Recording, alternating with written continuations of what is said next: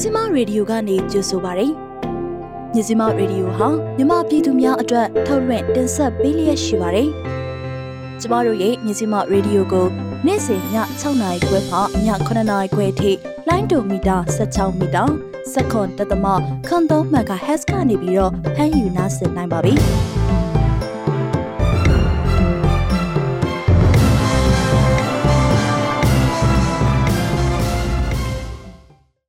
မင်္ဂလာပါရှင်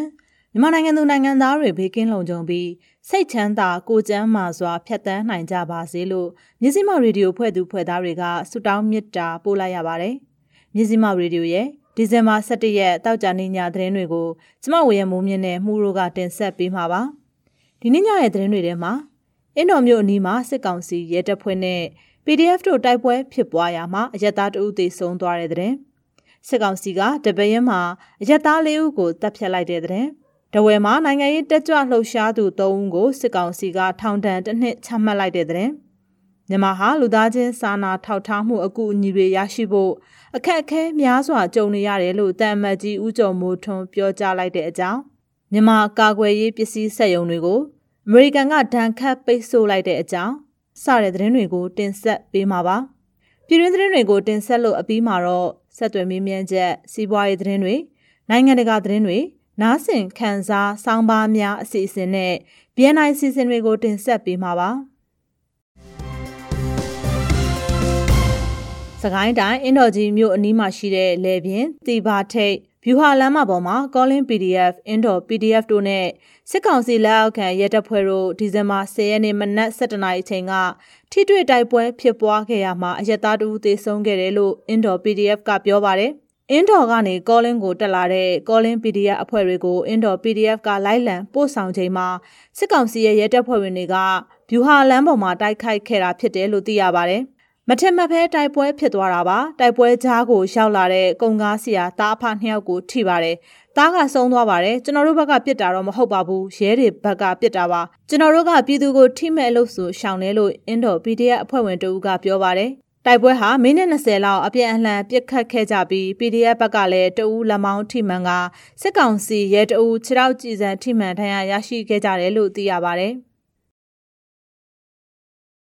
တပရင်မှာစစ်ကောင်စီတပ်ဖွဲ့ဝင်တွေကရွာသား2ဦးကိုတနက်နဲ့ပစ်တက်ပြီးရွာသား2ဦးကိုဒုံးနဲ့ရိုက်တက်ခဲ့တယ်လို့ကျိုးတလန်းနဲ့ထွက်ပြေးလွတ်မြောက်လာတဲ့ရွာသားကပြောပြပါဗျ။စကိုင်းတိုင်းဒေသကြီးတပရင်နောက်ချမ်းမှာရှိတဲ့ငကတွင်းကျေးရွာမှာဒီဇင်ဘာ10ရက်နေ့မွန်းလယ်2နာရီအချိန်ကတွေ့ရှိခဲ့ရတဲ့ရုပ်အလောင်းတွေမှာရိုင်းနှက်ခံထားရတဲ့ဒဏ်ရာတွေတနက်ဒဏ်ရာတွေနဲ့သေဆုံးနေတဲ့ရုပ်အလောင်း၄ခုကိုတကြိုပေးခဲ့ရတာလို့ရွာသားတွေကပြောပါတယ်။ အလောင်းတွေကိုတကြိုပေးခဲ့ရသူတွေတဲကတဦးကအလောင်းတွေအကုန်လုံးကကျိုးတုပ်ရက်သားဆိုတော့ဖမ်းမိပြီးမှတတ်သွားတာမျိုးလို့ဆိုပါတယ်အသက်ခံရသူတွေဟာရွာသားတွေခေါ်တဲ့ငတိုးငမိုးအသက်40ခန့်ရှိတဲ့သူနှစ်ဦးဦးကျော်ဝင်းနဲ့ဦးကန်ညွန့်အသက်52နှစ်တို့ဖြစ်ပြီးတော့နှစ်ဦးကိုဖမ်းဆီးနှိပ်စက်ပြီးတနက်နဲ့ပစ်တက်ခါနှစ်ဦးကိုတော့ရိုက်တက်သွားခဲ့တာဖြစ်တယ်လို့အလောင်းတွေကိုတကြိုပေးခဲ့သူတွေကပြောပါတယ် စတင်ဖမ်းဆီးချိန်က9ဦးဖြစ်ပြီးတော့ရွာသားတအုပ်ကစစ်ကောင်စီတပ်သားတွေရဲ့အလစ်မှာထွက်ပြေးရမှာကျိုးတလန်းနဲ့လွတ်မြောက်လာခဲ့တာလို့သိရပါဗျ။အင်အား60ပါတဲ့စစ်ကောင်စီတပ်ဖွဲ့ဟာဒီဇင်ဘာလ9ရက်နေ့ကငကကွင်းကျေးရွာကိုစတင်ရောက်ရှိလာခဲ့ပြီးနှစ်ရက်လောက်စခန်းချခဲ့ကဒီဇင်ဘာ10ရက်နေ့နေ့လယ်ပိုင်းမှာထွက်သွားပြီးနောက်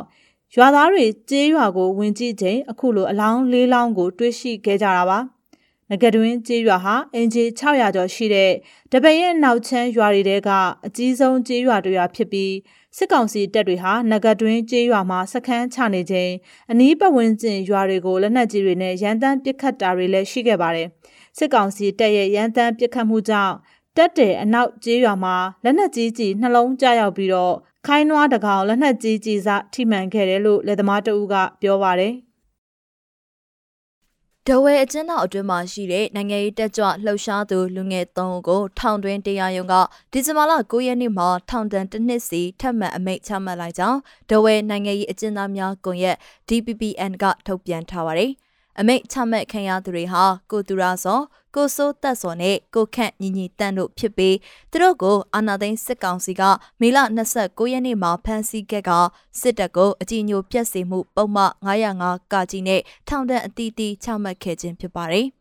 နိုင်ငံရေးကျန်းသားတချို့ကိုလွန်ငင်းကွင်းနဲ့ပြန်လှုပ်ပေးခဲ့တဲ့အော်တိုဘာလ20ရက်နေ့မှာသူတို့3ဦးထောင်ဘူးဝအထိရောက်ခဲ့ပေမဲ့လေ16ဆလုံးအမှုကြံသေးတယ်ဆိုပြီးထောင်ထဲပြန်ခေါ်ကအခုလိုထောင်တန်းတစ်နှစ်စီပြန်လည်ချမှတ်ခဲ့ခြင်းဖြစ်ပါတယ် ဒိုရဲမြို့ပေါ်မှာစစ်ကောင်စီတပ်ဖွဲ့ဝင်တွေကအပြစ်မဲ့ပြည်သူတွေကိုပြစ်ခတ်ဖမ်းဆီးပြီးစစ်ကူတခွင့်မပေးတဲ့လုပ်ရက်ကိုဒိုရဲနိုင်ငံရေးအကျဉ်းသားများကွန်ရက် DPPN ကပြင်းပြင်းထန်ထန်ရှုတ်ချကြောင်းလည်းထုတ်ပြန်ထားပါတယ် မြန်မာနိုင်ငံဟာလူသားချင်းစာနာထောက်ထားမှုအကူအညီတွေရရှိနိုင်ရေးမှာစိုးရွားတဲ့အခက်အခဲတွေကြုံတွေ့နေရကြောင်းကုလသမဂ္ဂမြန်မာကိုယ်စားလှယ်တပ်အမတ်ကြီးဦးကျော်မိုးထွန်းကပြောပါရယ်ဒီဇင်ဘာလ10ရက်နေ့ကကျင်းပပြုလုပ်တဲ့86ကြိမ်မြောက်ကုလသမဂ္ဂအထွေထွေညီလာခံ90ကြိမ်မြောက်မျက်နှာစုံညီအစည်းအဝေးမှာသူကအဲ့ဒီလိုပြောလိုက်တာပါအကူအညီပေးအပ်မှုတွေကိုစစ်တပ်ကပြင်းထန်တဲ့ကန့်သက်မှုတွေချမှတ်ထားတယ်လို့တပ်အမတ်ကြီးကဆိုပါရယ် စစ်တပ်ကအာဏာသိမ်းထားသရွေ့လုံခြုံစိတ်ချရတဲ့ဘလို့စာနာထောက်ထားမှုအကူအညီကိုမှပေးအပ်နိုင်မှာမဟုတ်ကြောင်းနဲ့လူသားချင်းစာနာထောက်ထားမှုကူညီကယ်ဆယ်ရေးတွေအမြန်ဆုံးရောက်ရှိနိုင်ဖို့နေဆက်ဖြတ်ကျော်အကူအညီပေးရေးအပါအဝင်အခြားနည်းလမ်းတွေကိုရှာဖွေရမယ်လို့တာမတ်ကြီးဦးကျော်မိုးထွန်းကပြောပါတယ်။ ဒါအပြင်စကိုင်းတိုင်းဒေသကြီးစလင်းကြီးမြို့နယ်မှာစစ်တပ်ကပြည်သူစစ်တပ်ဦးကိုလက်နောက်ပြန်ကျွတ်တုပ်ပြီးမိရှုတပ်ဖြတ်ခဲ့ကြောင်းနဲ့ချင်းမြနိုင်မြို့နယ်မှာငြိမ်းချမ်းစွာဆန္ဒပြနေသူတွေကိုစစ်တပ်ကကားနဲ့တိုက်တက်မှုတွေကိုလည်းကုလမျက်နှာစုံကြီးအစည်းအဝေးမှာ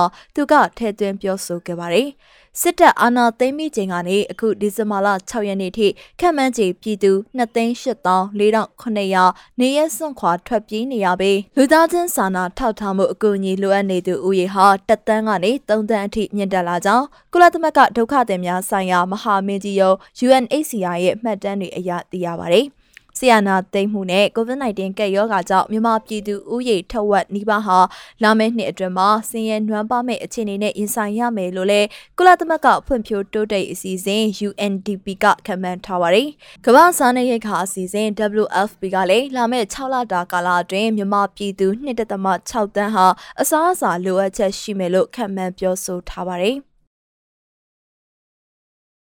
မြန်မာကာကွယ်ရေးပစ္စည်းစက်ရုံတွေကာပါစညွှန်ကြားမှုရုံးကိုအမေရိကန်နိုင်ငံကဒဏ်ခတ်ပိတ်ဆို့မှုဆန်ရှင်ချမှတ်ကြောင်းဗန်နာရေးဝန်ကြီးဌာနကတောက်ကြနေမှာထုတ်ပြန်ကြေညာလိုက်ပါတယ်။ဝန်ကြီးဌာနရဲ့နိုင်ငံခြားပိုင်ဆိုင်မှုအာမခံထိန်းချုပ်ရေးရုံး OFAC ကရန်ကုန်မြို့မှာရှိတဲ့ကာပါစကာကွယ်ရေးပစ္စည်းထုတ်လုပ်ရေးအရာရှိချုပ်ရုံး စစ်ထောက်ချုပ်ရုံးနဲ့နေပြည်တော်ကစစ်မှုထမ်းဟောင်းများအဖွဲ့တို့ကိုအထူးသတ်မှတ်ထားတဲ့နိုင်ငံသားများနဲ့ပိတ်ဆို့သောလူပုဂ္ဂိုလ်စီးရင်တွေမှာထည့်သွင်းပြီးတော့ဒဏ်ခတ်ပိတ်ဆို့လိုက်တာဖြစ်တယ်လို့ထုတ်ပြန်ချက်မှာပါရှိပါတယ်။မြန်မာနိုင်ငံမှာလူခွင့်ရေးချိုးဖောက်မှုတွေကိုပြောင်ပြောင်တင်းတင်းလှုပ်ဆောင်နေတဲ့စစ်ကောင်စီလက်အောက်ခံတာဝန်ရှိတဲ့သူ15ဦးဖွဲ့စည်း10ခုတို့ကိုပြစ်မှတ်ထားအရေးယူပိတ်ဆို့မှုကိုဒီဇင်ဘာလ10ရက်နေ့ကမ္ဘာလူခွင့်ရေးနေ့မှာအမေရိကန်ကအရေးယူဆောင်ရွက်လိုက်တာပါ။ အရေးယူပိတ်ဆို့ခံလိုက်ရတဲ့စီးရင်မှာစစ်ကောင်စီခန့်ပဲခူးတိုင်းဝန်ကြီးချုပ်ဦးမျိုးဆွေဝင်း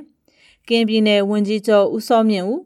မန္တလေးတိုင်းဝန်ကြီးချုပ်ဦးမောင်ကိုနဲ့ကချင်ပြည်နယ်ဝန်ကြီးချုပ်ဦးခတ်ထိန်နန်တို့ပါဝင်တယ်လို့ RFA သတင်းတရက်မှာဖော်ပြထားပါတယ်။ဗန်နိုင်ဝန်ကြီးဌာနရဲ့ဆန်ရှင်အသစ်ချမှတ်မှုမှာမြန်မာ၊တရုတ်၊မြောက်ကိုရီးယားနဲ့ဘင်္ဂလားဒေ့ရှ်နိုင်ငံတို့နဲ့ဆက်ဆက်နေတဲ့လူပုဂ္ဂိုလ်အဖွဲ့အစည်းတွေပါဝင်ပါတယ်။ အကျင့်ပြတ်ခြားစားမှုနဲ့ဆိုးဝါးတဲ့လူအခွင့်အရေးအလွဲသုံးစားမှုကျူးလွန်သူတွေအဖြစ်ဗန်နိုင်ဝန်ကြီးဌာနကစည်ရင်းသွင်းခံရသူတွေဟာ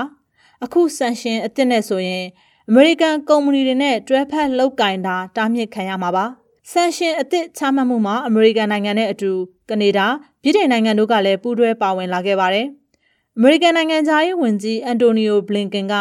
အခုသတင်းပတ်အတွင်းမှာအရှိတောင်အာရှခီးစဉ်ကိုတွားရောက်မှာဖြစ်ပြီးတော့ မြန်မာနိုင်ငံအခြေအနေကိုဒေတာတွင်းခေါင်းဆောင်တွေနဲ့ဆွေးနွေးမှာဖြစ်ပါတယ်။ တနင်္သာရီတိုင်းကော့တောင်ခရိုင်ဖုတ်ပြင်းမြို့နယ်ကရတူရီမြို့အထက်တန်းကျောင်းမှာကျောင်းသားကျောင်းသူ10ဦးနဲ့ဆက်ဆက်မိဘ9ဦးစုစုပေါင်း15ဦးမှာ COVID-19 ရောဂါစစ်ဆေးတွေ့ရှိရကြောင်းကရတူရီမြို့တိုက်နယ်တာဝန်ခံဆရာဝန်စီကနေသိရပါတယ်။ဒီဇင်ဘာလ10ရက်နေ့ကအဲဒီကျောင်းမှာဆရာဆရာမတွေနဲ့ကျောင်းသားကျောင်းသူတွေကို COVID-19 ရောဂါရှိမရှိစစ်ဆေးရာကနေတွေ့ရှိခဲ့ခြင်းပဲဖြစ်ပါတယ်။ဆရာဆရာမအယောက်20နဲ့ကျောင်းသားကျောင်းသူ328ဦးတို့ကိုအမြန်စစ် COVID tax ကနဲ့စစ်ခဲ့တာပါလက်ရှိ COVID-19 ရောဂါစစ်ဆေးတွေ့ရှိသူတွေကရာတီရီမြို့တိုက်နယ်ဆေးရုံမှာဆေးကုသမှုခံယူကြရပြီးဒီကနေ့အထိပိုးတွေ့လူနာ18ဦးရှိပြီပဲဖြစ်ပါတယ်ကချင်ပြည်နယ် KIO ထင်းချုပ်နယ်မြေအတွင်းမှာ Mindset ပါ COVID စင်တာမှာဆေးကုသမှုခံယူနေရတဲ့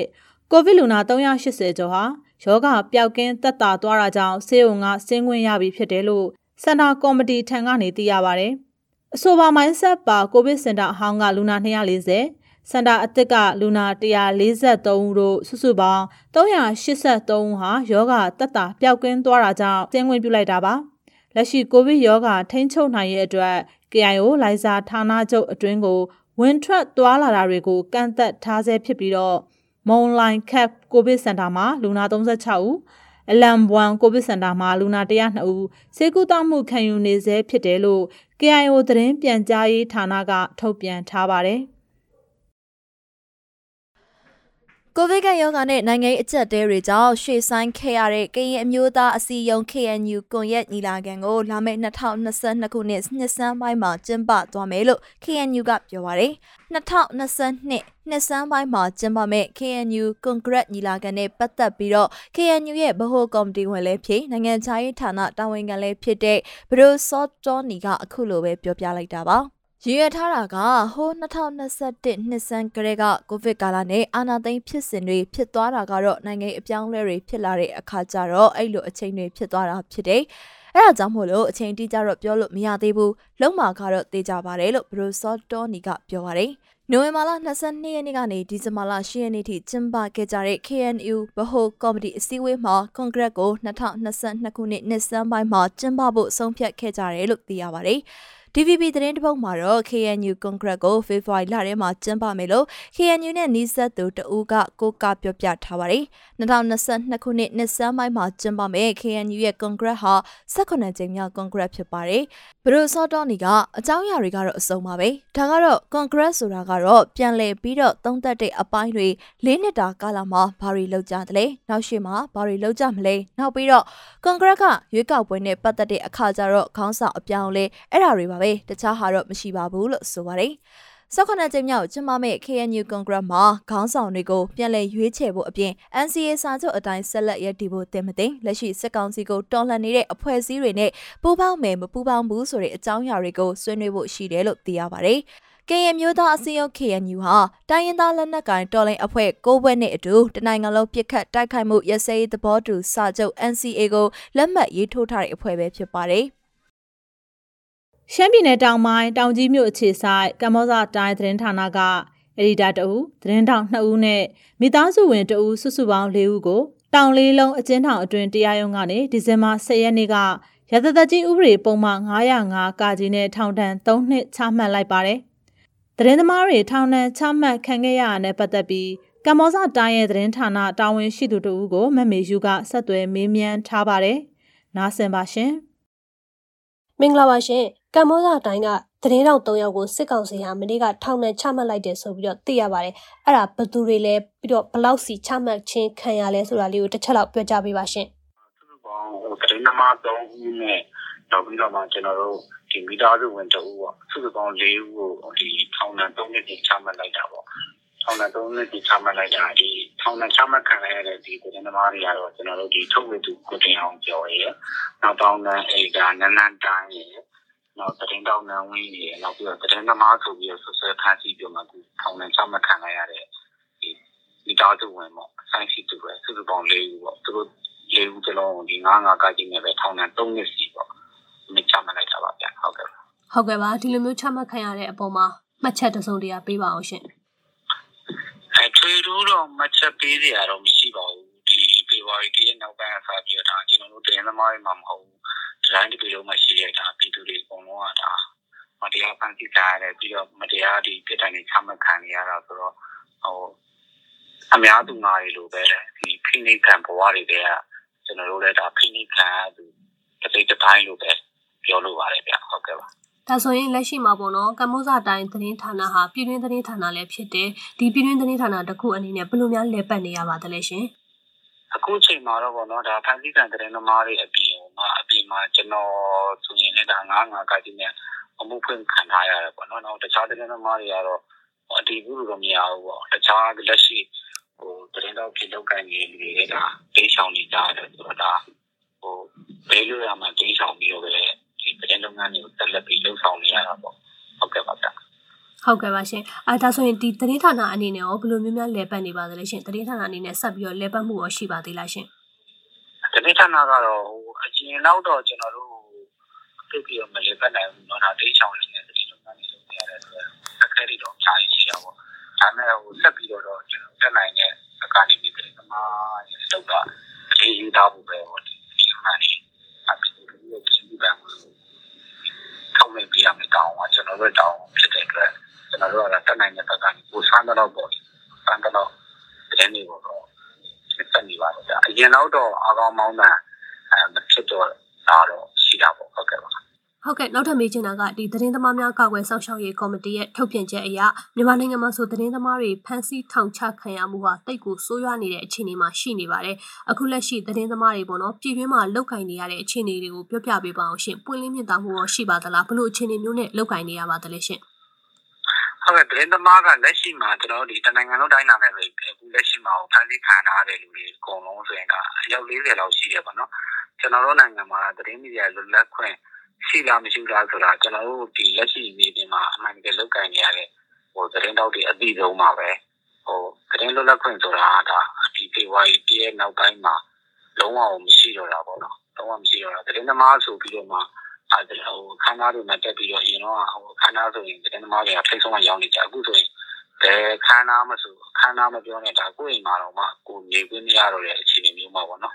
ဒီသတင်းရယူဖို့ဆိုတာတော့ဟိုဘယ်လိုမှဟိုမဖြစ်နိုင်တော့တဲ့အနေအထားမလို့ဒါကျွန်တော်တို့ကဒါအဝေးကနေပဲဒီ CCTV နိုင်ငံသားသတင်းတောက်တွေကိုပဲအားကိုးပြီးတော့မှရယူနေကြရတာပေါ့ဟိုသတင်းမီဒီယာလွတ်လပ်ခွင့်ဆိုတာကတော့ကျွန်တော်တို့နိုင်ငံဘက်ကတော့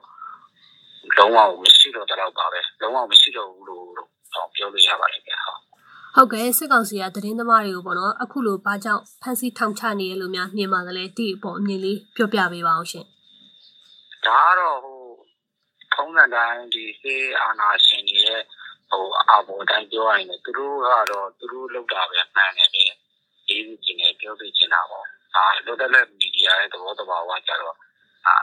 သူတို့လောက်တာမှန်ရင်လည်း မှန်ကြောင်းရေးလို့ရတယ်ဆိုမှလည်းအဲသူတို့လောက်တာကိုမှားတာကိုလည်းရေးဖို့ကဒါလွတ်လပ်တဲ့သတင်းမီဒီယာသမားတိုင်းမှာတောင်းရှိတာ哦ပြီးတော့ဒီပြည်သူစံနာပြည်သူသဘောထားကိုလည်းဒီထုံးဝဲမှုကဒီသတင်းဌာနရဲ့သတင်းသမားတိုင်းမှာတောင်းရှိတာအဲ့ဒါကိုသူတို့ကဒါကိုအမှားလို့ဟိုသတင်းအမှားတွေထုတ်ပြန်တယ်အဲသူတို့ရဲ့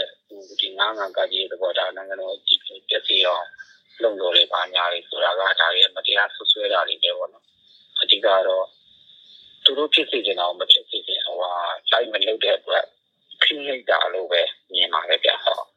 ဟုတ်ကဲ့ပါရှင်လက်ရှိမှာဖန်ဆီးခံထားရတဲ့ပေါ့နော်ဒီသတင်းသမားတွေနဲ့ပတ်သက်ပြီးကမ္ဘောဇအတိုင်းဘက်ကပေါ့နော်ဌာနအနေနဲ့ဘယ်လိုမျိုးများဆောင်ရွက်ထားရှိပေးပါသလဲရှင်ကျွန်တော်တို့ကတော့ဒီသူတို့စတင်ပြီးဖန်ခံရတာဒီမလ24ရက်နေ့မှာဖန်ခံရတာပေါ့နော်ဖန်ခံပြီးနောက်ပိုင်းမှာတော့အဲတလတလကျော်လောက်တော့ကျွန်တော်သတင်းနဲ့ဆက်လက်ထုတ်နေနေတယ်နောက်ပိုင်းမှာတော့ဒါ မိသားစုဝင်နေနဲ့နောက်ဒီဖန်ဆီးခံတဲ့သမားတွေငိမ့်ညာတဲ့သတင်းတွေကိုထိန်းနေပေါ့နော်ခဏဟွာတော့နှစ်လလောက်ကျွန်တော်တို့ခဏရက်ပြလိုက်သေးတယ်ရက်ပြလိုက်တဲ့ဆိုတော့ကျွန်တော်တို့တင်သမားတွေဟိုထမနှိစက်ခါရတာမျိုးတွေဒါကြီးဟိုမိသားစုဝင်တွေမိသားစုဝင်တွေကတော့ဘယ်လိုပဲဆိုသူမိသားစုဝင်တယောက်ခံခံရတယ်ဆိုတော့စိတ်ခံစားမရှိတဲ့အတွက်ဟိုကျွန်တော်တို့ကဒါငိမ့်ညာတဲ့အနေနဲ့ခဏရက်လာအဲဒီရာကြီးပေါ့လေကျနာပြီးနေတယ်ကျွန်တော်တို့လုပ်ပြီးနိုင်တာကအခုလိုဒီ ခရစ်စတန်ဆူရဲ့အောက်မှာ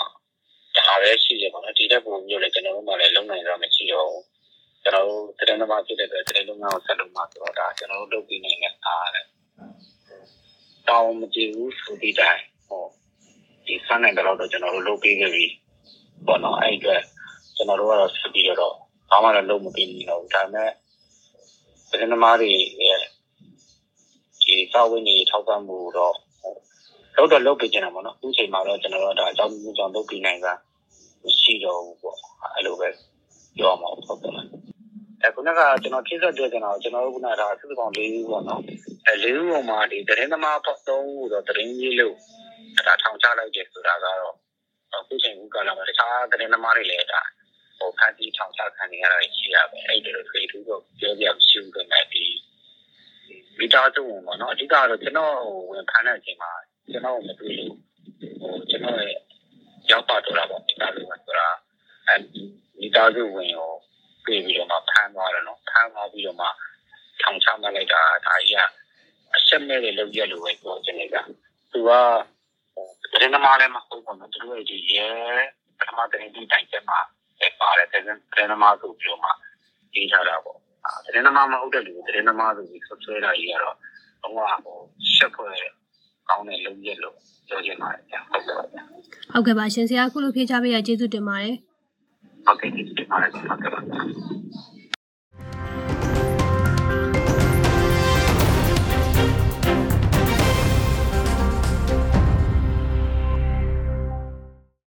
ပြည်ရင်းသတင်းတွေကိုတင်ဆက်လို့ပြီးပါပြီအခုဆက်လက်ပြီးတော့စီးပွားရေးသတင်းတွေကိုမမေယူကပဲတင်ဆက်ပေးမှာပါ မင်္ဂလာပါရှင်ဒီကနေ့အတွက်ရရှိထားသမျှစီးပွားရေးသတင်းတွေကိုနားဆင်ရမှာဖြစ်ပါတယ်ပထမဆုံးအနေနဲ့မြို့ပြနယ်အရာဖွံ့ဖြိုးရေးဦးစီးဌာနကတန်မိုးနဲ့တန်မိုးသင့်တိုက်ခန်းပေါင်း100ကျော်ကိုရှောင်းချပေးသွားမဲ့သတင်းပဲဖြစ်ပါတယ်မြို့ပြနယ်အရာဖွံ့ဖြိုးရေးဦးစီးဌာနကတန်မိုးနဲ့တန်မိုးသင့်တိုက်ခန်းပေါင်း100ကျော်ကိုရှောင်းချပေးသွားမယ်ဆိုပြီးထုတ်ပြန်ထားပါတယ်တန်မိုးနဲ့တန်မိုးသင့်တိုက်ခန်းတွေကိုအတိုးနှုံသက်သာတဲ့ချင်းဝင်နဲ့ရောင်းချရမှာ COVID-19 ကာကွယ်ထိန်းချုပ်ရေးညွှန်ကြားချက်နဲ့အညီ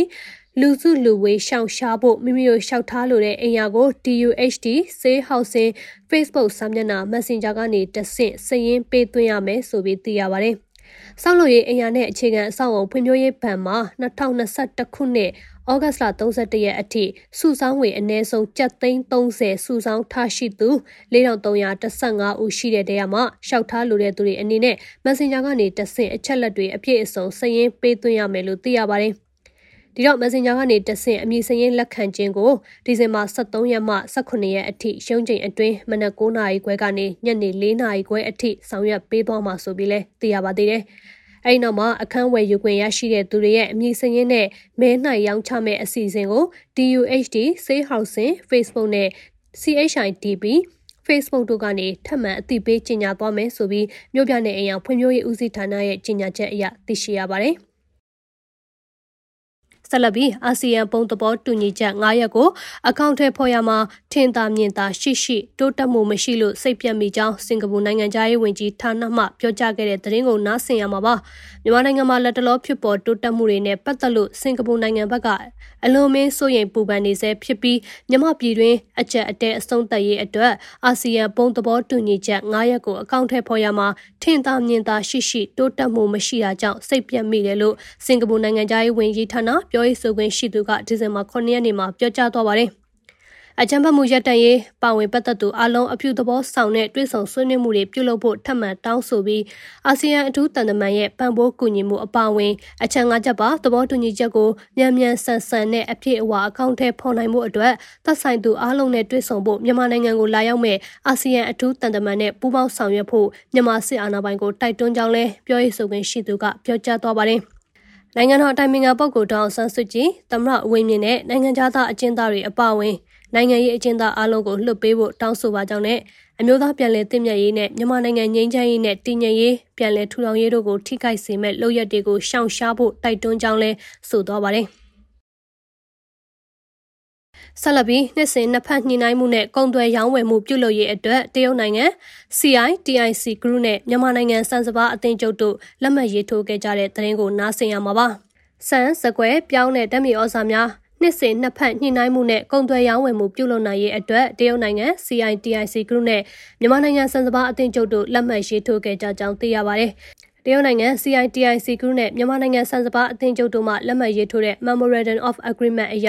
စံစကွဲပြောင်းတဲ့တပ်မြေဩဇာများကိုနှစ်စဉ်နှစ်ဖက်ညှိနှိုင်းမှုနဲ့ကုန်သွယ်ရောင်းဝယ်မှုပြုလုပ်ခြင်းကိုဝန်ကြီးဌာနအနေနဲ့အထူးအားပေးရလို့ဆိုပါတယ်။မြန်မာနိုင်ငံဟာလေယာစိုက်ပျိုးရေးကိုအဓိကထားလုပ်ကိုင်ဆောင်ရွက်တဲ့နိုင်ငံဖြစ်လို့လေယာကဏ္ဍမှာထွက်ရှိတဲ့ စံပြောင်းပဲမျိုးစုံအစရှိတဲ့လေယာထွက်ကုန်ပစ္စည်းတွေကိုအရေးအသွေးပြည့်မီစွာတင်ပို့နိုင်ရေးနဲ့ဈေးကွက်တည်ငြိမ်မှုရရှိရေးဟာတိတ်ကိုအရေးကြီးတဲ့ကိစ္စရပ်ဖြစ်ပါတယ်။လေယာကဏပူးပေါင်းဆောင်ရွက်မှုကနေတဆင့်တရုတ်မြန်မာဆွေမျိုးပေါက်ဖော်ချစ်ကြည်ရေးကိုပုံမမြင့်တင်ဆောင်ရွက်နိုင်မယ်လို့ယုံကြည်ကြောင်း တရုတ်နိုင်ငံရဲ့ Belt and Road အစီအစဉ်နဲ့ချိတ်ဆက်ပူးပေါင်းပြီးဒေတာအတွင်းစားနပ်ရိက္ခာဖူလုံရေးစားနပ်ရိက္ခာဘေးကင်းလုံခြုံရေးနဲ့တောင်သူလယ်သမားများရဲ့စီးပွားရေးအခွင့်အလမ်းများတိုးတက်ရရှိကကျေးလက်ဒေတာဖွံ့ဖြိုးရေးကိုပါဖော်ဆောင်ပေးရန်အရေးကြီးရဆိုပြီးစစ်ကောင်စီရဲ့စီးပွားရေးနဲ့ကုသရေးဝယ်ရေးဝန်ကြီးဌာနပြည်ထောင်စုဝန်ကြီးကပြောကြားခဲ့ပါတယ်။ 2020-2021ဘဏ္ဍာနှစ်အောက်တိုဘာလကနေမေလလယ်အထိပြည်ပကိုမြန်မာစံတန်ချိန်9.8သိန်းကျော်သာတင်ပို့ထားနိုင်ပြီးအရင်နှစ်ကာလတူထက်တန်ချိန်4သိန်းကျော်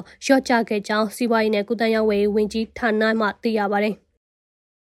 အခုနောက်ဆုံးအနေနဲ့လက်ရှိဘဏ္ဍာနှစ်နိုဝင်ဘာလ26ရက်အထိပြည်ပသို့ရေထွက်ကုန်တင်ပို့မှုဒေါ်လာ149တန်ကျော်ရရှိထားတဲ့သတင်းကိုတင်ဆက်ပေးမှာပါလက်ရှိဘဏ္ဍာနှစ်နိုဝင်ဘာလ26ရက်နေ့အထိပြည်ပသို့ရေထွက်ကုန်တင်ပို့မှုဒေါ်လာ149တန်ကျော်ရရှိထားတာဖြစ်ပြီးအရင်နှစ်ကာလတူထက်ဒေါ်လာ3တန်ကျော်ပိုမိုရရှိထားတယ်လို့စစ်ကောင်စီရဲ့စီးပွားရေးနဲ့ကုသရေးဝန်ကြီးဌာနစီမှသိရပါတယ် 2021 2022ဘဏ္ဍာနှစ်အောက်တိုဘာလ1ရက်ကနေနိုဝင်ဘာလ26ရက်အထိပြည်ပသို့ရေထွက်ကုန်တင်ပို့မှုမှ149.523တန်းရရှိထားပါတယ်။ရခိုင်နှစ်ကာလတူမှာဒေါ်လာတန်း145.634တန်းသာရရှိထားတာပါ။ 2021-2022မီနီဘတ်ဂျက်တစ်လကျော်အတွင်းမြန်မာနိုင်ငံရဲ့ပြည်ပကုန်သွယ်မှုဒေါ်လာ3082တန်းကျော်ရရှိပြီးအရင်နှစ်ကာလတူထက်ဒေါ်လာ389တန်းနီးပါးလျှော့ချခဲ့ကြောင်းစီးပွားရေးနဲ့ကုသရေးဝန်ကြီးဌာနမှထုတ်ပြန်ထားတဲ့စာရင်းတွေအရသိရပါတယ်။ မြမရေထွက်ပစ္စည်းတွေကိုနိုင်ငံပေါင်း45နိုင်ငံကိုတင်ပို့လျက်ရှိတယ်လို့သိရပြီးလက်ရှိဘဏ္ဍာနှစ်စက်တင်ဘာ3ရက်အထိရေထွက်ပစ္စည်းတင်ပို့မှုမှာဒေါ်လာ924တန်ကျော်ရရှိကြောင်းစိုက်ပျိုးရေးနှင့်မွေးမြူရေးနဲ့ဆယ်မြောင်းဝင်ကြီးဌာနစီမှသိရပါဗျ။မြမရေထွက်ပစ္စည်းများကိုနိုင်ငံပေါင်း45နိုင်ငံစီကိုနှစ်စဉ်တင်ပို့လျက်ရှိပြီးအသားကဏ္ဍအနေနဲ့လက်ရှိမှာတရိတ်ဆန်အရှင်များကိုသာအိန္ဒိယနိုင်ငံတွေကိုနှက်ဆက်ကတဆင့်အတိကတင်ပို့လျက်ရှိကြောင်းစီးပွားရေးနဲ့ကုသရေးဝန်ကြီးဌာနစီမှသိရပါတယ်။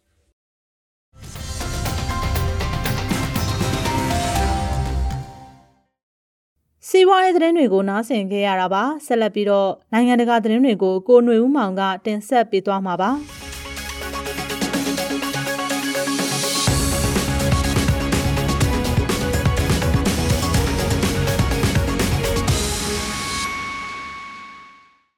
နိုဘယ်ငြိမ်းချမ်းရေးဆုရရှိခဲ့တဲ့နိုဗာယာဂါဇီတာသတင်းစာရဲ့အက်ဒီတာချုပ်ဒီမီထရီမူယာဒိုဆိုတာက လွတ်လပ်စွာပြောဆိုခွင့်အတွက်စာနယ်ဇင်းသမားတွေရဲ့အသက်ကိုတောင်အာမမခံနိုင်တဲ့ရုရှားမှာမီဒီယာသမားတွေရဲ့ခံတက်ကြီးတစ်ခုဖြစ်ပါတယ်။ဆိုဗီယက်ယူနီယံကြာဆုံးပြီးနောက်1993ခုနှစ်မှာနိုဗာယာဂါဇီတာသတင်းစာကိုတည်ထောင်ခဲ့တဲ့ journalist အဖွဲ့တွေထဲမှာပါဝင်ခဲ့တဲ့မူယာတိုကိုပေးတဲ့ဆုဟာသတင်းစာအတွက်နဲ့တက်ဖြတ်ခံခဲ့ရတဲ့ journalist တွေနဲ့အကျဉ်းချခံနေရတဲ့ Kremlin ဝေဖန်ရေးဆရာ Alexei Navalny တို့ကိုကိုစားပြုပါတယ်။ဒါဟာ ရုရှားရှိအတိုက်ခံတွေနဲ့အမေကိုကင်းတဲ့မီဒီယာတွေအပေါ်တမိုင်းဝင်ဖြိုခွင်းမှုအတွေ့ထွက်ပေါ်လာခဲ့ခြင်းဖြစ်ပါတယ်။ဒီနှစ်ထဲမှာလည်းသတင်းစာတိုက်အများပြားပိတ်ပစ်ဖို့ဖိအားပေးခံခဲ့ရသလိုထင်ရှားတဲ့သတင်းတောက်အများပြားဟာလည်းနိုင်ငံတွင်းကနေထွက်ပြေးခဲ့ရပါတယ်။အသက်45နှစ်အရွယ်နာဗလင်းဟာဖေဖော်ဝါရီလအတွင်းကထောင်ဒဏ်ချမှတ်ခံခဲ့ရပြီး၎င်းရဲ့အဖွဲ့အစည်းတွေအားလုံးလည်းတရားမဝင်ဖြစ်ခဲ့ရပါတယ်။နိုဗာယာဂါဇီတာဟာ၎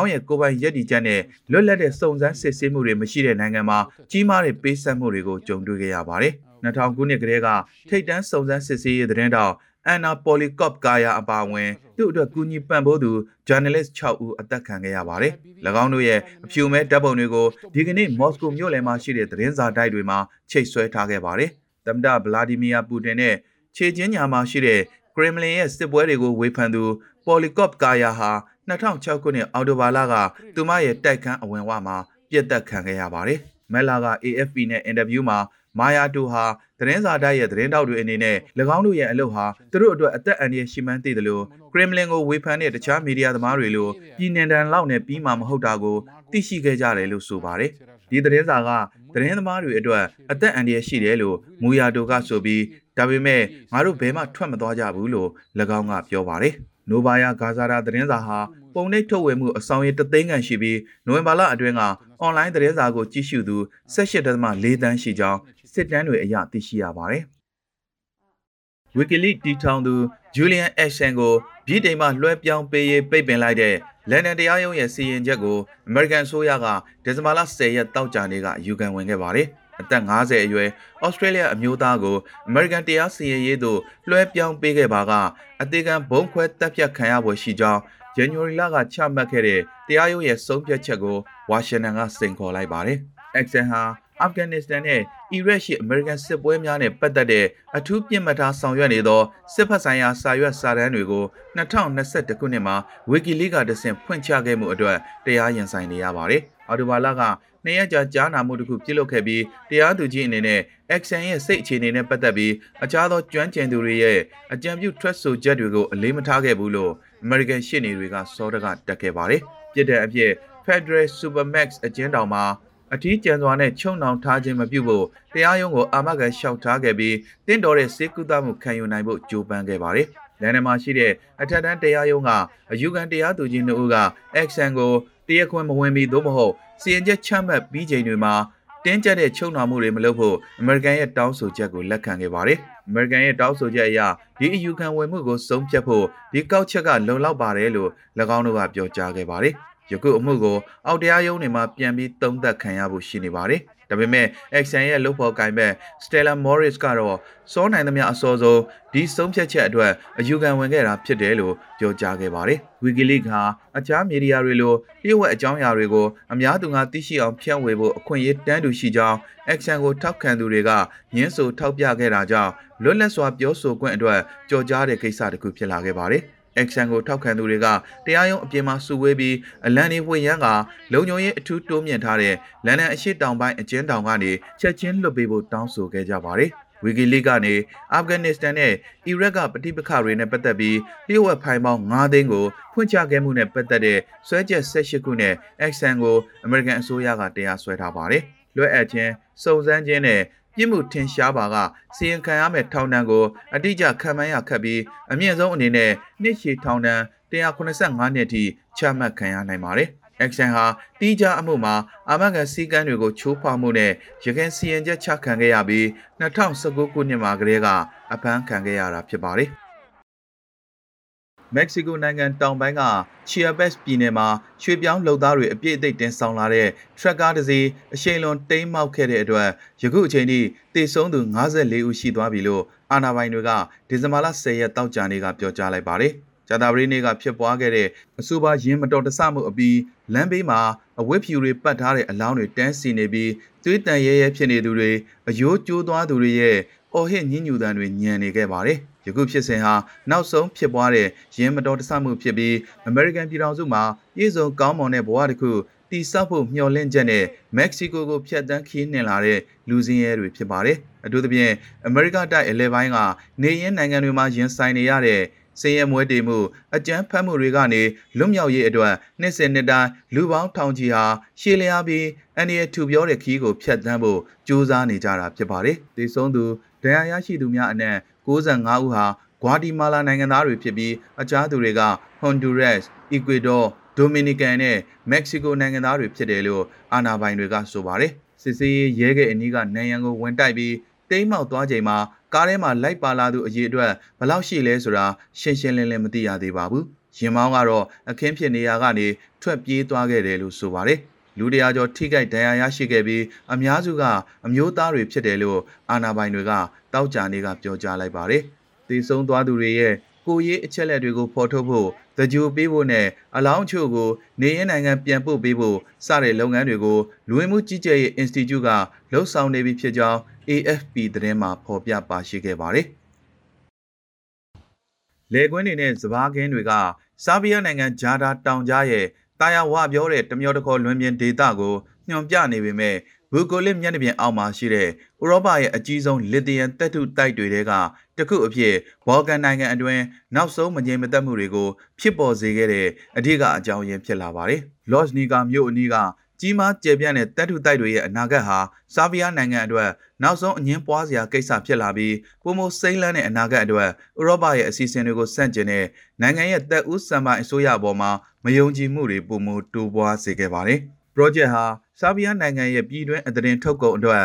ရာခိုင်နှုန်းပြည့်ထက်ဝင်နိုင်သလိုအလုတ်အကင်သစ်ထောင်နဲ့ချီပြီးဖန်တီးပေးနိုင်မှာဖြစ်ကြောင်းအင်္ဂလိပ်ဩစတြေးလျကုမ္ပဏီ Rio Tinto ကမစားရဝါခမန်းပြောကြားရင်းဘီလီယံနဲ့ချီတဲ့အစုရှယ်ယာတွေကိုချပြခဲ့ပါတယ်။နှစ်အနည်းငယ်အတွင်းဘော့စနီးယားနယ်စပ်မှာရှိတဲ့စင်းရဲနွမ်းပါလာတဲ့ ဆာဗီးယားရဲ့တပ်ထုတိုက်ရှိရာဒေသဟာဥရောပရဲ့ကာဗွန်ရှော့ချရေးနည်းဗျူဟာများအရာပုံမစိမ့်လန်းတဲ့အနာဂတ်အတွက်အရေးကြီးတယ်လို့ယူဆထားတဲ့စက်မှုတွန်းအားတွေကတစ်ခုအဖြစ်ပြောင်းလဲသွားပါတယ်။လေသီယန်ဟာလျှက်စစ်ကားတွေကိုစွမ်းအင်ပေးတဲ့ဘက်ထရီတွေအတွက်အဓိကပါဝင်ပစ္စည်းဖြစ်ပြီးပြန်လည်ပြည့်ဖြိုးမြဲစွမ်းအင်ကိုတူလောင်ဖို့အတွက်တက်ထုတွင်းတွက်တွေဝယ်လိုအားမြင်မာလာမဲ့လာမယ့်နှစ်တွေမှာ၎င်းတို့ရည်မှန်းချက်အတိုင်းပြည့်မီအောင် လုံလောက်တဲ့ထောက်ပံ့မှုတွေရရှိဖို့အတွက်လျှက်စစ်ကားထုတ်လုပ်သူကုမ္ပဏီတွေကအပြိုင်ဆိုင်ကြိုးပမ်းလာကြပါတယ်။ဒါပေမဲ့အနာဂတ်တပ်ထုတူဖော်ရေးဒေသအနီးမှာနေထိုင်ကြတဲ့တဘာဝပတ်ဝန်းကျင်တက်ကြွလှုပ်ရှားသူတွေနဲ့ဒေသခံတွေကရီယိုတင်တိုနဲ့တမ်တာအလက်ဇန်ဒါဘူစစ်ရဲ့အစိုးရကြားမှာစီမံကိန်းကိုလျှို့ဝှက်ဖုံးကွယ်လှုပ်ဆောင်ခဲ့ကြောင်းနဲ့တဘာဝပတ်ဝန်းကျင်ဆိုင်ရာအကဲဖြတ်မှုအစည်းအဝေးခန်းစားတွေကိုထုတ်ပြန်ပေးဖို့ညှင်းဆန်ခဲ့ကြောင်းဆွဆွဲထားကြပါတယ်။ပွင့်လင်းမြင်သာမှုမရှိခြင်းကြောင့် ဒေသခံတွေကမိုင်းတွင်းတွေကြောင့်မြေယာများပျက်စီးသွားမှာကိုစိုးရိမ်ထိတ်လန့်နေကြပါတယ်။ဂျာရာ project ပြီးသွားတာနဲ့ငါတို့ပတ်ဝန်းကျင်တစ်ခုလုံးပျက်စီးသွားပြီပဲလို့အနည်းနာရွာကလူလူကောင်းဆောင် Dragon Karajit က AFP ကိုပြောကြားခဲ့ပါတယ်။ Rio Tinto ကုမ္ပဏီရဲ့လုပ်ခဲ့သမျှနေရာတိုင်းမှာအရှုပ်ထုတ်တွေကျန်နေခဲ့တယ်လို့၎င်းကဆက်ပြောပါတယ်။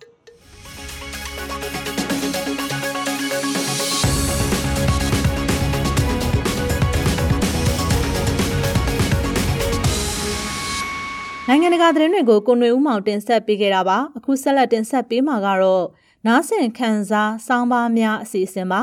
ဒီမိုဘောင်ကျဲဖို့ရင်းနေကြတဲ့နိုင်ငံအနာဂတ်ဆိုတဲ့စောင်းပါကိုမှုကတင်ဆက်ပေးထားပါတယ်နားဆင်ပါရှင်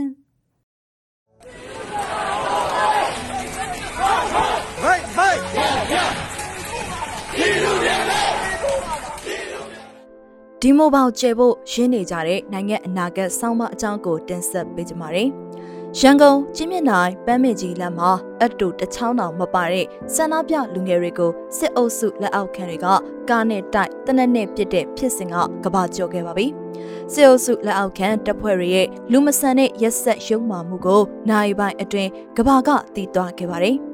ပန်းမင်ကြီးလန်းဖြစ်စဉ်မှာနိုင်ငံအနာဂတ်ဖြစ်တဲ့လူငယ်9ဦးဟာမြေရက်စရာမရှိအောင်တေဆုံးခဲ့ရတယ်လို့အများအပြားကလည်းဖမ်းဆီးခံခဲ့ရပါတယ်။ဖမ်းဆီးခံရသူတွေထဲမှာလည်းအ ਨੇ ဆုံး3ဦးဟာအရေးပေါ်ဌာနကိုရောက်နေကြရပါတယ်။ဒီဖြစ်စဉ်နဲ့ပတ်သက်လို့နိုင်ငံတော်ဝန်ကပြည်သူတွေကကြေကွဲကြဒေါသထွက်ကြဖြစ်ကုန်ကြရပါတယ်။ တချို့ဆိုရင်ဂယုနာဒေါသောနဲ့ရန်ကုန်မှာလမ်းပေါ်တက်ဆန္ဒမပြကြပါနဲ့တော့ဒီလူမဆန်တဲ့စစ်အုပ်စုကလူငယ်တွေကိုရရက်ဆက်ဆက်တတ်နေတာကိုမမြင်ပြစေနဲ့တော့လို့ပြောဆိုမှုတွေရှိလာပါတယ်တစ်ဖက်မှာလည်းဒီလောက်တောင်ရက်ဆက်တဲ့စစ်တပ်လူငယ်တွေတောင်အသက်သေးခံပြီးဆန္ဒပြနေတာငါတို့လည်းရရနေနဲ့ဆန္ဒပြရမယ်ဆိုပြီးတန်ပုံတီးဆန္ဒပြမှုတွေရန်ကုန်မြို့မှာပြန်ပြီးတော့ရှိလာခဲ့ပါတယ်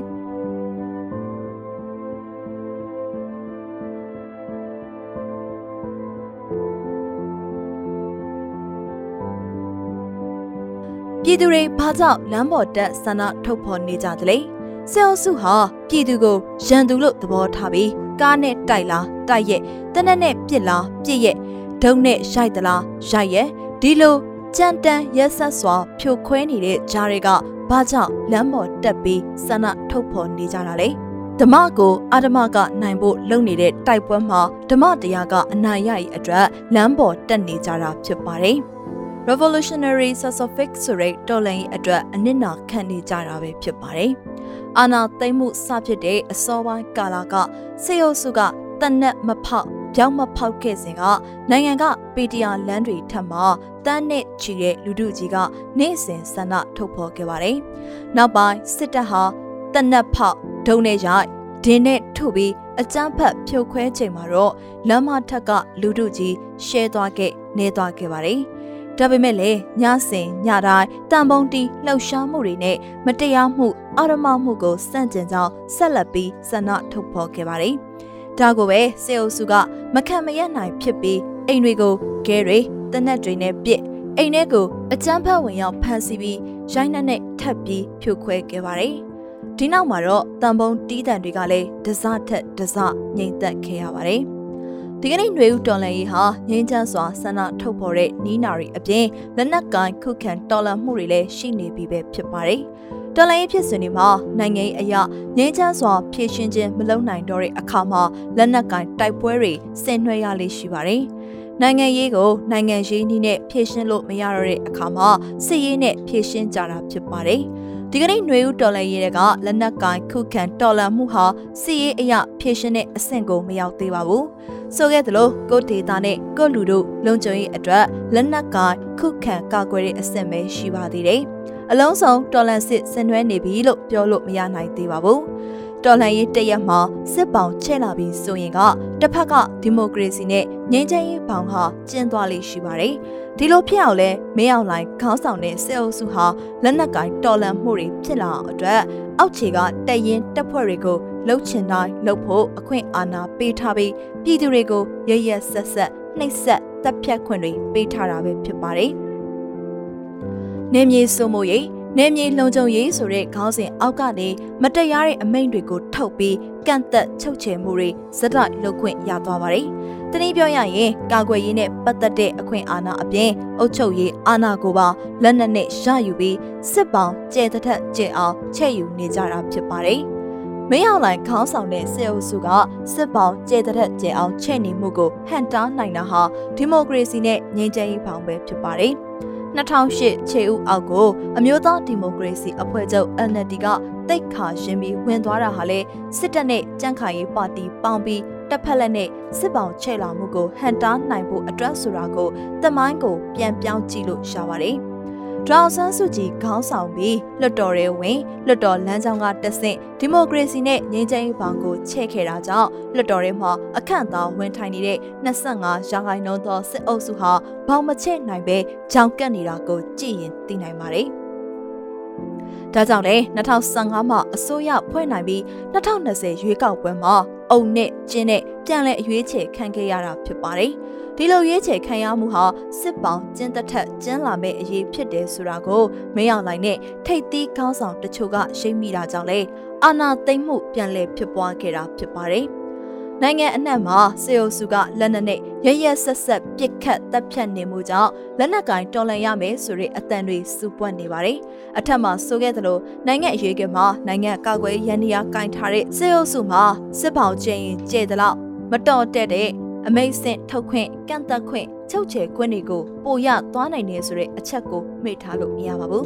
။ဒါကြောင့်တွန်လိုင်းအင်အားစုတွေဘက်မှမတရားအနိုင်ကျင့်လာမှုအတွက်ကိုကိုကိုခုခံကာကွယ်ပိုင်ခွင့်နိုင်ငံရေးအရာဖိအားပေးနိုင်ရေးဆိုတဲ့ဘောင်တဲကနေသောလက်နက်ကင်ခုခံတော်လှန်စစ်ကိုဆင်နွှဲနေကြတာဖြစ်ပါတယ်။ တစ်ဖက်မှာလည်းစီအိုစုကစစ်ပေါင်ချဲ့ပြီးဒီမိုကရေစီနဲ့ငြိမ်းချမ်းပေါင်ကျင်းအောင်လုပ်မှုကိုဟန်တားနိုင်ဖို့အတွက်ဒီကနေ့နိုင်ငံအနာဂတ်ဖြစ်တဲ့လူငယ်တွေနဲ့တပိတ်အင်အားစုတွေဟာကြည်စံပြောင်းစံကြားကနေလမ်းပေါ်တက်နေကြတာဖြစ်ပါတယ်။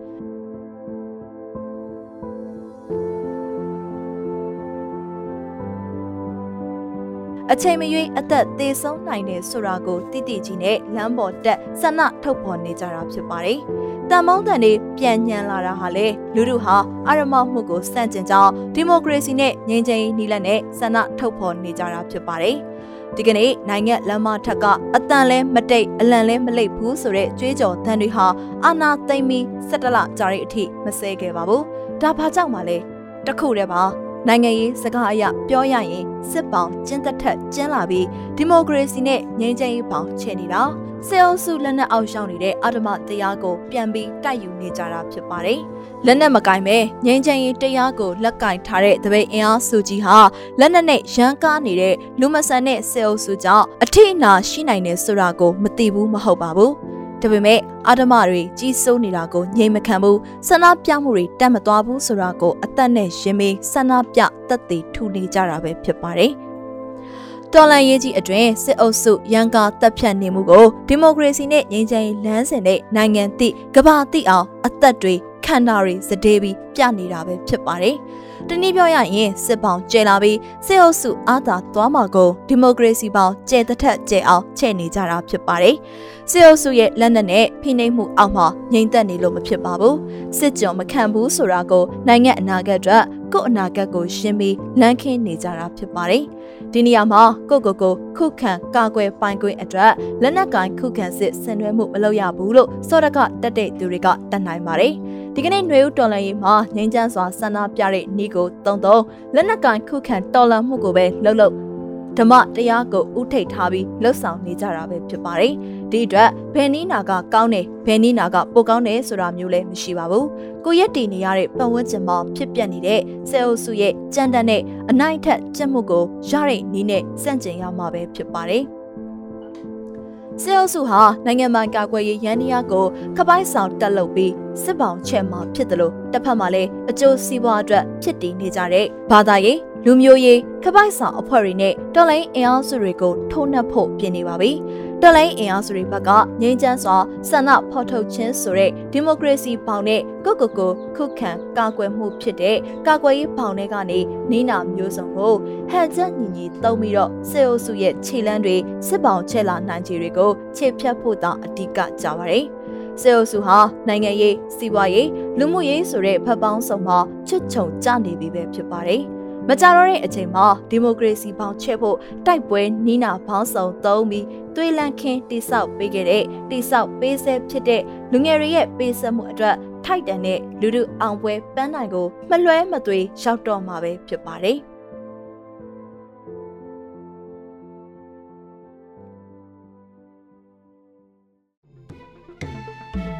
BNI ကတင်ဆက်တဲ့အစီအစဉ်တွေကိုဆက်လက်ပြီးနားဆင်ရမှာပဲဖြစ်ပါတယ်ရှင်။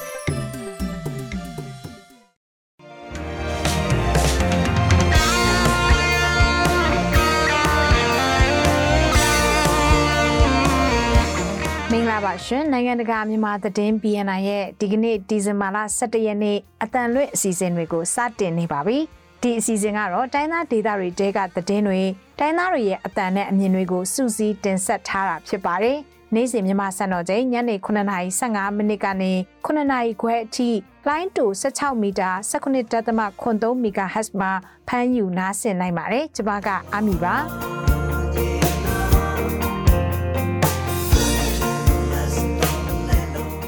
ဒီနေ့မှကြားသားရမယ့်သတင်းတွေကတော့ရခိုင်ပြည်နယ်မှာစစ်ရေးတင်းမာမှုတွေရှိလာနေပြီးရခိုင်တပ်တော်ကပြည်သူတွေကိုတက်လန့်ထားပါတယ်စစ်ကောင်စီတပ်တွေကတန်လွင်မြစ်အတွင်းမှာသွာလာနေတဲ့လေနစည်းကိုကမ်းပေါ်ကနေပစ်ခတ်ခဲ့ပါတယ်မွန်ပြည်နယ်ထဲမှာတော့မွေးမြူရေးလုပ်ငန်းတွေပိတ်သိမ်းရမယ့်အထိအခက်ကြုံနေကြရပါတယ်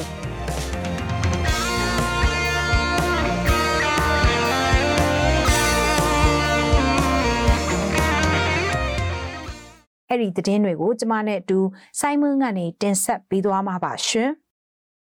ရခိုင်ပြည်နယ်မှာစစ်ကောင်စီတပ်နဲ့ရခိုင်တပ်တော် AA တို့အကြားနှစ်ဖက်တိုက်ပွဲတွေအချိန်မရွေးပြန်ဖြစ်လာနိုင်ခြေရှိတဲ့အတွက်တတိထားစောင့်ကြည့်နေတယ်လို့ရခိုင်တပ်တော် AA ရဲ့နိုင်ငံရေးဥဆောင်အဖွဲ့ဖြစ်တဲ့ရခိုင်အမျိုးသားအဖွဲ့ချုပ် ULA ကဒီဇင်ဘာလ10ရက်နေ့မှာထုတ်ပြန်လိုက်ပါတယ်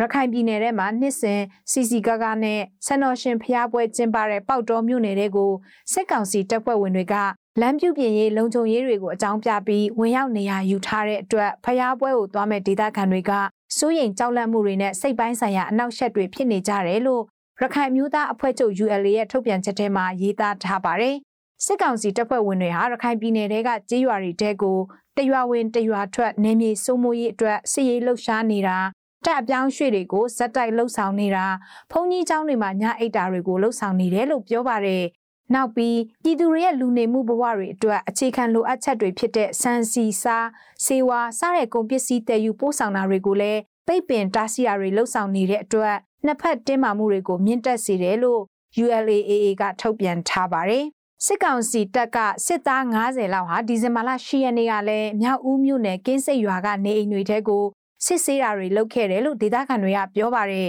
ဒီလိုမျိုးအခြေအနေတွေဖြစ်နေတဲ့အတွက်ဆန်တော်ရှင်ဖျားပွဲကိုတွားကြမဲ့ပြည်သူတွေအနေနဲ့ဖျားပွဲကိုတွားလာဖို့ကိစ္စကိုဆင်ခြင်သုံးသပ်ကြဖို့နဲ့စိတ်ရည်တတိရှိကြဖို့ကိုလည်းထုတ်ပြန်ချက်ထဲမှာတတိပေးထားပါတယ်ဆန်တော်ရှင်ဖျားပွဲကိုတော့ဒီဇင်ဘာလ23ရက်နေ့ကနေ20ရက်နေ့အထိကျင်းပဖို့စီစဉ်ထားကြတာပါ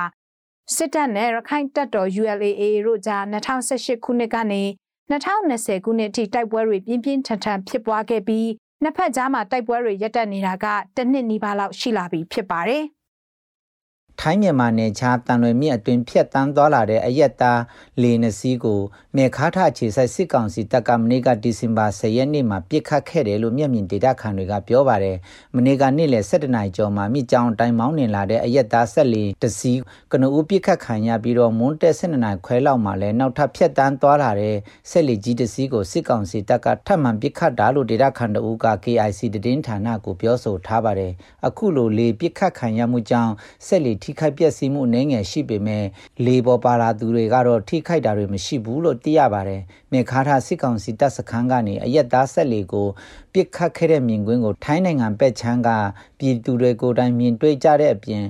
သူတို့ရိုက်ထားတဲ့ပြစ်ခတ်မှုရုပ်တံကိုလည်းတက်ဆိုင်ရာပုဂ္ဂိုလ်တွေရဲ့လူမှုကွန်ရက်စာမျက်နှာမှာမျှဝေထားတာတွေ့ရပါတယ်စစ်တပ်ကအာဏာသိမ်းပြီးနောက်ပိုင်းတန်လွင်မြစ်ကမ်းဘေးမှာရှိတဲ့စစ်ကောင်စီတပ်စခန်းအချို့ကို KNU ကရင်မျိုးသားအစီယုံတပ်မဟာ9လက်အောက်ခံ KNL တပ်ဖွဲ့တွေကတိုက်ခိုက်တိမ်းပိုက်မှုတွေပြုလုပ်ခဲ့ပါတယ်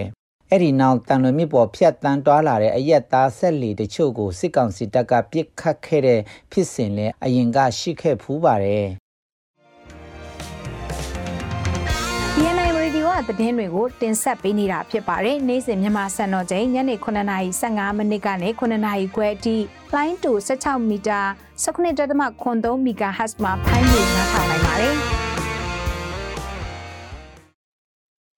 ကချင်ပြည်နယ်အင်းတော်ကြီးဒေတာဖြတ်တန်းသွားလာတဲ့ပြည်သူတွေအနေနဲ့တတ်မှတ်ထားတဲ့စီကန်းချက်အတိုင်းလိုက်နာကြဖို့ကချင်လူလိုက်ရေးတပ်မတော် KIA နဲ့ PDF တပ်ဖွဲ့တို့ဒီဇင်ဘာ10ရက်နေ့ကတတိပေးထုတ်ပြန်ထားပါတယ်။ကုန်ကားကြီးနဲ့အိမ်စီးကားတွေအနေနဲ့လည်းကန့်တက်ထားတဲ့ည9နိုင်ကနေမနေ့9နိုင်အတွင်းသွားလာခြင်းမပြုဖို့နေ့ခင်းပိုင်းမှာလည်းမိုးကာအုပ်ကားမှန်တင်ပြီးသွားလာတာမျိုးမလုပ်ဖို့ပြောဆိုထားပါတယ်။အခုလိုထုတ်ပြန်ရတာဟာစစ်ကောင်စီတပ်ဘက်ကအင်းတော်ကြီးဒေတာမှာ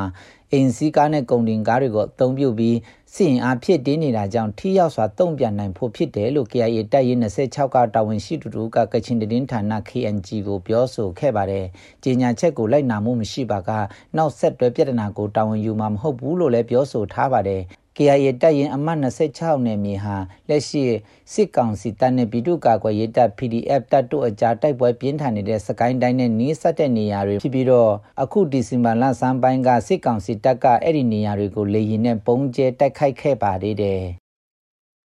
မွန်ပြည်နယ်ဝန်ကြီးချုပ်ဒေါက်တာအေးဇံကိုစစ်ကောင်စီကဆွဲဆိုထားတဲ့အဂတိမှုတွေအတွက်မနေ့ကဒီဇင်ဘာလ10ရက်နေ့မှာရုံးထုတ်စစ်ဆေးခဲ့တယ်လို့စစ်ကောင်စီနဲ့နှိဆက်သူတွေကပြောပါတယ်ဝင်ကြီးချုပ်ဒေါက်တာအေးဇံကိုကြိုက်မရောဗဟိုအကျဉ်းထောင်ထဲကအထူးတရားရုံးမှာရုံးထုတ်စစ်ဆေးခဲ့တာဖြစ်ပါတယ်။မနေ့ကရုံးချင်းမှာတော့စစ်ကောင်စီဘက်ကတင်သွင်းလာတဲ့တရလိုပြတပ်သေးနှစ်ဦးကိုထပ်မံစစ်ဆေးခဲ့တာဖြစ်တယ်လို့စစ်ကောင်စီနဲ့နှိဆက်သူတူကပြောပါတယ်။ ဝင်ကြီးချုပ်ဒေါက်တာအေးဇံကိုစစ်ကောင်စီကအာဂရိလိုက်စားမှုတိုက်ဖြတ်ရေးဥပဒေပုံမှန်55နဲ့အမှုကိုမှုအပါအဝင်ရာစတက်ကြီးဥပဒေပုံမှန်905ကကြီးနဲ့အမှုဖွင့်ထားတာဖြစ်ပါတယ်။ဝင်းကြီးချုပ်ဒေါက်တာအေးဆန်ကိုဆွဲဆိုထားတဲ့ပုံမှန်905ကကြီးအမှုမှာတော့တရခံပြသက်သေတွေကိုဆက်လက်စစ်ဆေးနေပြီးလာမယ့်ဒီဇင်ဘာလကုန်မှာအမိန့်ချမှတ်သွားဖို့ရှိတယ်လို့သိရပါတယ်။ပြီးခဲ့တဲ့နိုဝင်ဘာလ30ရက်နေ့တုန်းကလည်းစစ်ကောင်စီက NLD ပါတီတထုံမြို့နယ်ပြည်နယ်လွှတ်တော်ကိုယ်စားလှယ် ဒေါ်မမာခိုင်ကိုပုံမှန်905ကကြီးနဲ့ထောင်ဒဏ်တစ်နှစ်အမိန့်ချမှတ်ထားပါတယ်။ဒါအပြင်စစ်ကောင်စီက NLD ပါတီမော်လမြိုင်မြို့နယ်ပြည်နယ်လွှတ်တော်ကိုယ်စားလှယ်ဒေါ်နွယ်နွယ်အောင်ကိုလည်းအကြမ်းဖက်မှုတိုက်ဖျက်ရေးဥပဒေနဲ့အမှုဆွဲတင်ထားတာဖြစ်ပါတယ်ရှင်။ဒီပဲရင်မြို့နောက်ဘက်ငကတွင်ကျေးရွာမှာစစ်ကောင်စီတပ်ဖွဲ့ဝင်တွေရွာသားနှုတ်ကိုတနတ်နဲ့ပစ်ခတ်ပြီး ကြံရွာသားနှုတ်ကိုတုံနဲ့ရိုက်တက်ခဲ့တယ်လို့ဂျိုးတန်လာနဲ့ထွက်ပြေးလွတ်မြောက်လာတဲ့ရွာသားတအုပ်ကပြန်လည်ပြောပြပါတယ်။တေဆုံးတူလေးဦးရဲ့အလောင်းကိုမနေ့ကဒီဇင်ဘာ10ရက်နေ့မွန်းလွဲ2နာရီမှာတွေ့ရှိခဲ့တာဖြစ်ပြီးတော့အဲ့ဒီနေ့မှာပဲတကြိုပေးခဲ့တယ်လို့ရွာသားတွေကပြောပါတယ်။အသက်ခံရတဲ့သူတွေကတော့ရွာသားတွေအခေါ်ငတိုးနဲ့ငမိုးအသက်40ခန့်2ဦးဦးကျော်ဝင်းနဲ့ဦးကန်ညွန့်အသက်55နှစ်တို့ဖြစ်ကြပြီးနှစ်ဦးကိုဖမ်းဆီးနှိပ်စက်တနတ်နဲ့ပစ်တက်ခဲ့တာဖြစ်ပြီးကြံနှစ်ဦးကိုတော့ရိုက်တက်ခဲ့တာလို့ အလောင်းတကြိုပေးတဲ့သူတွေကပြောပါတယ် စတင်ဖမ်းဆီးခဲ့စဉ်တုန်းက9ဦးဖြစ်ပေမဲ့ရွာသားတအုပ်ကစစ်ကောင်စီတပ်သားတွေအလစ်မှာဂျိုးတန်းလာနဲ့ထွက်ပြေးလွတ်မြောက်ခဲ့တယ်လို့သိရပါတယ်အင်အား60ခန့်ပါရှိတဲ့စစ်ကောင်စီတပ်ဖွဲ့တွေဟာဒီဇင်ဘာ9ရက်နေ့ကနကတွင်းကျေးရွာကိုစရောက်လာပြီးနရက်ခန့်စခန်းချခဲ့ပါတယ်အဲ့ဒီနောက်ဒီဇင်ဘာ10ရက်နေ့နေ့လယ်ပိုင်းကထွက်ခွာသွားပြီးတဲ့နောက်ရွာသားတွေကကျေးရွာအတွင်းဝင်ခဲ့ကြစဉ်အခုလိုအလောင်း၄လောင်းတွေ့ရှိခဲ့တာဖြစ်တယ်လို့ပြောပါတယ်နကတွင်းကျေးရွာဟာအင်ချီ600ကျော်ရှိပြီးဒီဘဲရင်အနောက်ချမ်းတွေထဲကရွာတွေထဲမှာအကြီးဆုံးကျေးရွာတစ်ခုဖြစ်ပါတယ်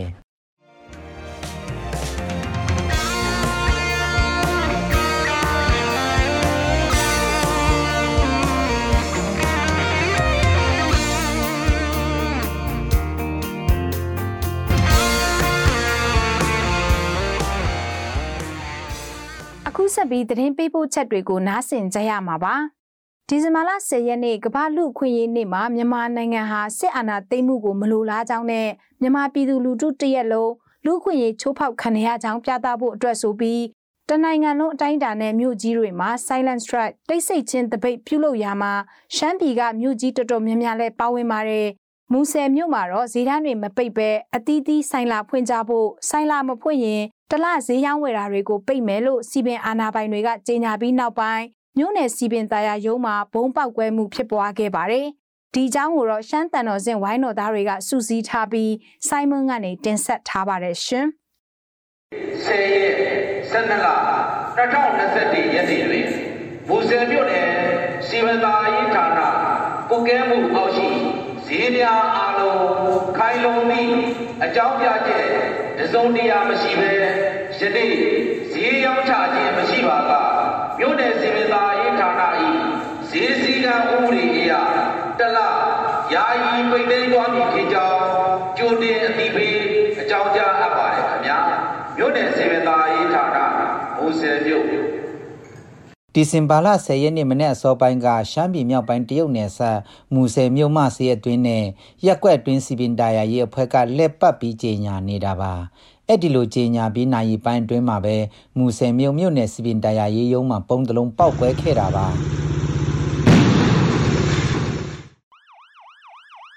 လူတွေအိမ်တကားပိတ်ပြီးတမျိုးလုံးတိတ်ဆိတ်နေချိန်မွန်းတက်12နာရီ15မိနစ်အချိန်ခန့်က ပုံတလုံးပောက်ကွဲလို့စီပင်တိုင်ရဝန်ထမ်းမျိုးသမီး2ဦးတိုင်ရရရှိခဲ့တယ်လို့မူဆယ်မြို့နှလုံးလပရဟိတအဖွဲ့ကဥက္ကဋ္ဌဦးဖိုးထောင်ကအခုလိုပြောပါတယ်မနေ့ကဒီစီပင်ရုံးမှာပုံကွဲတယ်ပေါ့နော်ပုံကသူများလာပြစ်သွားတာပေါ့နော်လာပြစ်တဲ့အခါမှာဒီမှန်နေကွဲပြီးတော့ဒီမှန်နေကနေပြီးတော့ဒီရှေ့ရေးမှအမျိုးသမီး2ယောက်ကိုသွားထိတယ်ပေါ့6လောက်တွေလက်တွေပြီးကျွန်တော်တို့အဲ့ဒါသွားတယ်တယ်ပြီးဆေးရုံပို့ပြီးတယ်ပေါ့နော်ဒါတော့ပဲကျွန်တော်တို့ကကျန်တာဘာမှဟိုအသေးစိတ်ကြီးတိတ်မသိပါဘူး ပယ်လိုချင်းနေမှာပဲဖြစ်ဖြစ်မူဆယ်မြို့သားတွေကတော့ဈေးတန်းထဲကဆိုင်တွေတာမကအိမ်ဆိုင်တွေရောမဖွင့်ကြပါဘူး။နာနဲ့10နာရီကနေညနေ4နာရီထိ Silent Strike စစ်တပ်ကိုထောက်ခံမှုမပြုတဲ့အနေနဲ့အိမ်တိုင်းစစ်တကားတွေဆိုင်တွေပိတ်ထားကြတာပါ။အဲ့ဒီအကြောင်းကိုမူဆယ်ဒေတာခန်လူငယ်တူကရှမ်းစကားနဲ့အခုလိုပြောပါတယ်။အာမနေ့တည်းဟမ်လက်လာရတော့ကွန်ခိုင်ဖတ်အန်ဒင်ခိုင်ကွန်တရုတ်ငွေလဲတဲ့သူနဲ့ cycle carry တွေပဲတွေ့တယ်လမ်းမှာ။ ကျန်တာတော့အိမ်တကားတွေပိတ်တယ်ဈေးတွေပိတ်တယ်စီပင်ကကျင်ညာပြီးနောက်ပိုင်းတဆိုင်နှစ်ဆိုင်တော့ဈေးလာဖွင့်ကြတယ်ဒါစီပင်ကဈေးသည်တွေကိုတက်တက်မဲ့ချင်းချောက်တာပဲလို့အချင်းချင်းအားပေးပြီးအိမ်ဆိုင်တွေဘာတွေတော့လုံးဝမဖွင့်ကြဘူး Silent Strike ကိုရှမ်းပြည်မှာမူစစ်တမြို့တည်းတင်မဟုတ်ပဲအလားတူတောင်ကြီးမြို့တော်အပါအဝင်လာရှိုးမြို့တီဘောမြို့ကလောမြို့အပါအဝင်မြို့ငယ်တချို့မှာလည်းပါဝင်လှုပ်ရှားကြပါတယ် စစ်တပ်ကအာဏာသိမ်းပြီးဆယ်လကျော်ကာလအတွင်းမှာမွန်ပြည်နယ်အတွင်းကမွေးမြူရေးလုပ်ငန်းတွေဟာအပီးပိုင်ရပ်နာရတော့မယ့်အခြေအနေကိုရင်ဆိုင်နေရတယ်လို့မွေးမြူရေးလုပ်ငန်းရှင်တွေကပြောပါတယ်။ဒီအကြောင်းကိုတော့တန်လွင် time သတင်းဌာနကနောင်ခန့်ကတင်ဆက်ထားပါတယ်။မွေးမြူရေးလုပ်ငန်းတွေဟာစစ်တပ်အာဏာသိမ်းပြီးနောက်နိုင်ငံခြားကတင်သွင်းနေရတဲ့တွန်းအားစုကုန်ပစ္စည်းတွေဖြစ်တဲ့မွေးမြူရေးအစာနဲ့စေဝါဈေးနှုန်းနှစ်ဆနီးပါးမြင့်တက်လာတဲ့အပြင် ထုံနှုံမှုကုန်ကျစရိတ်ကြီးမြင့်နေတဲ့အတွက်ကြောင့်အဆုံးနဲ့ရင်ဆိုင်နေရတာဖြစ်ပါတယ်။နှစ်စီမှာတော့မွေးမြူရေးလုပ်ငန်းတွေဟာလုပ်ငန်းမနဲ့ပတ်နိုင်တဲ့အဆင့်ထိရောက်ရှိနေပြီးလို့လုပ်ငန်းစဉ်တူကခုလိုပြောပါတယ်။လုပ်ငန်းတွေရက်ရက်သွားတယ်မိသားပေါ့။မပြောရင်တော့အခုလည်းရက်လေးရက်တော့တော့ရက်သွားတော့ရှိတော့ကျင်းရောလာတော့နော်။တောင်းမှုမရှိတဲ့ကာလကြီးဖြစ်လာတော့လုပ်ငန်းအကူရောလေပတ်နေတဲ့လူတွေလည်းမလေပတ်နိုင်တဲ့အဆင့်ရောက်သွားတော့ခုလိုအခြေအနေတွေကြောင့်မွန်ပြည်နယ်တွင်းကမွေးမြူရေးလုပ်ငန်း 50ရာခိုင်နှုန်းထက်မနည်းရန်နာနိုင်ရပြီးဖြစ်ပါတယ်။ဒါအပြင်ယာဒီကူးပြောင်းကာလမှာမွေးမြူထားတဲ့ကြက်နက်ဝက်တွေမှာယောဂပိုးဝင်ရောက်မှုတွေကြောင့်လုပ်ငန်းစဉ်တွေမှာနက်နက်မထူနိုင်ဖြစ်နေကြပါတယ်။ဒီချင်းတွေနဲ့ပတ်သက်ပြီးမွေးမြူရေးလုပ်ငန်းစဉ်တအူးကိုဆက်သွယ်မေးမြန်းကြည့်ရမှာတော့ဝက်တွေချက်ကြတော့ညီမတို့ကဟိုတလောယောဂတွေဝင်သွားတယ်လေယောဂတွေဝင်တော့ဒီလိုတော့ယောဂဝင်လဲဆိုအနာကြီးပဲပေးရတာပါကွယ်အရင်ကဆိုတကောင်ကိုဆိုရင် ရောင်းဈေးပုံမှန် ၄ သိန်းလောက်ရမယ့်နေရာမှာ သူတို့ပေးတာတစ်သိန်းမပေးဟို ဒိုင်ဈေးတွေကလည်း ဈေးပေးတာ အနှိမ်ကြီးပဲကိုရအဲ့ဒါကြောင့်ဝက်တွေကဝက်မေးသမားတွေ အကြီးကျယ်ရှုံးတာ အခုနှုံမွေးမြူရေးလုပ်ငန်းတွေ အဆုံးပေါ်ပြီးရန်နာထားရတဲ့အတွက် ကျွမ်းကျင်လုပ်သားတွေ အလုံးနမဲ့ဖြစ်မှု များလာသလို မွေးမြူရေးလုပ်ငန်းကိုမိခိုပြီးလောက်ကင်နေသူတွေနဲ့ စားဝတ်နေရေးပုံမကျက်တဲလာကြပါတယ်။မွန်ပြည်နယ်ရဲ့ မွေးမြူရေးလုပ်ငန်းမှာတော့ဥစားကျက် အသားစားကျက် ဝက် နွားနဲ့စိတ်တို့ကို အဓိက မွေးမြူကြတာဖြစ်ပါတယ်။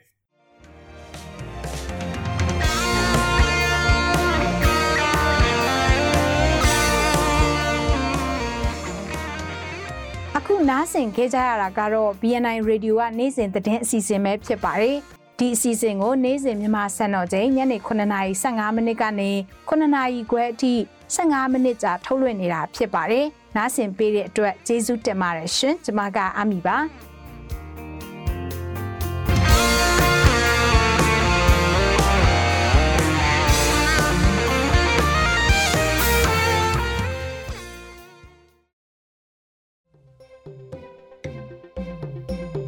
စီမရေဒီယိုရဲ့ဒီကနေ့ညအစီအစဉ်ကတော့ဒီလောက်ပါပဲမြန်မာနိုင်ငံသူနိုင်ငံသားအပေါင်းဆရာနာရှင်ဘေးကနေကင်းဝေးပြီးကိုယ်စိတ်နှပါကျန်းမာချမ်းသာပါစေလို့မြစီမရေဒီယိုအဖွဲ့သားတွေကဆုတောင်းမြတ်တာပို့သလိုက်ရပါတယ်မြန်မာပြည်သူများနဲ့အတူရက်တည်နေတဲ့မြစီမရေဒီယိုပဲဖြစ်ပါတယ်နားဆင်ကြကြသူတွေအားလုံးကျန်းမာကြပါစေရှင်မင်္ဂလာရှိတဲ့ညချမ်းကိုပိုင်ဆိုင်နိုင်ကြပါစေရှင်